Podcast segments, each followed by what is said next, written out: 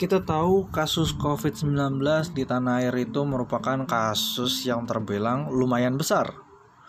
Apalagi bila dilihat dari dampaknya untuk lingkungan kita.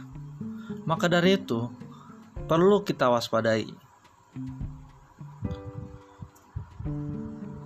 Terkadang saya sering melihat di sekitaran kadang orang memakai masker hanya sebatas di bawah dagu saja Padahal menurut standar kesehatan internasional, pemakaian masker yang baik dan benar itu batasnya sampai menutupi hidung.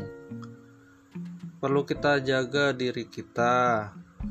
Hal yang penting itu kalau kita bisa menjaga diri kita itu juga merupakan gerakan untuk menjaga kesehatan orang lain.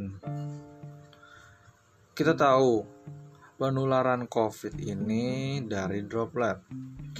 Droplet itu sendiri contohnya seperti pada alat-alat di prasarana umum seperti pada kendaraan umum itu halnya kita berpegangan pada handle di kendaraan umum seperti orang lain uh, kita tidak tahu orang lain itu uh, bersin di kendaraan umum dan itu contohnya seperti droplet yang menempel di handle itu saya bilang sekarang ini sudah banyak kendaraan di uh, mohon maaf untuk sudah banyak sarana protokol kesehatan di kendaraan umum yang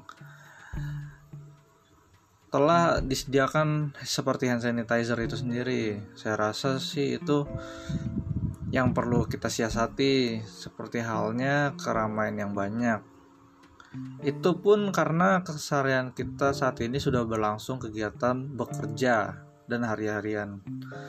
Dan terkadang masih saja ada orang yang dalam kerumunan itu lebih mengabaikan kesehatan dirinya sendiri yang berdampak bagi dirinya dan juga orang lain.